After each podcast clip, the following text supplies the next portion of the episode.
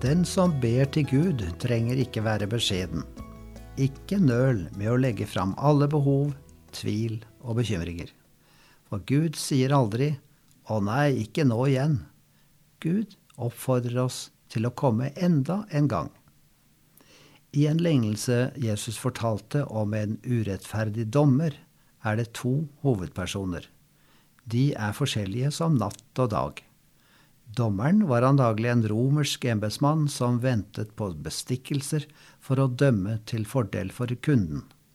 Han hadde makt, representerte loven og myndighetene. Men han var korrupt.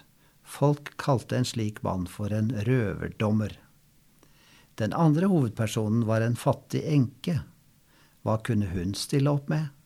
Hun var hjelpeløs, sårbar, ensom, isolert og ydmyket ingen advokathjelp, tykke lovbøker, en flod av tårer eller makt til å slå i bordet med. Hun sa bare sent og tidlig, igjen og igjen, hjelp meg til å få rett.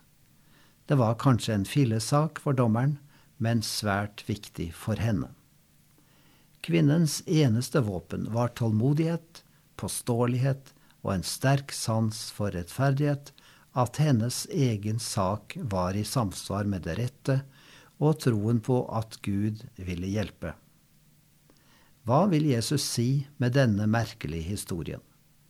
Han trekker en linje fra det lille til det store.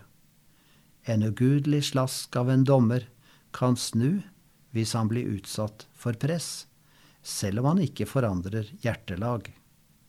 Da er Gud helt annerledes. Han er rettferdig, han hører på oss. Han ser nettopp til de svake og hjelpeløse. Det er som om Jesus sier, Hvorfor slutter dere å be til ham? Er ikke troen å komme igjen og igjen til ham som er god og vil det beste for oss? Opplever du urettferdighet? Syns du byrdene dine er for tunge?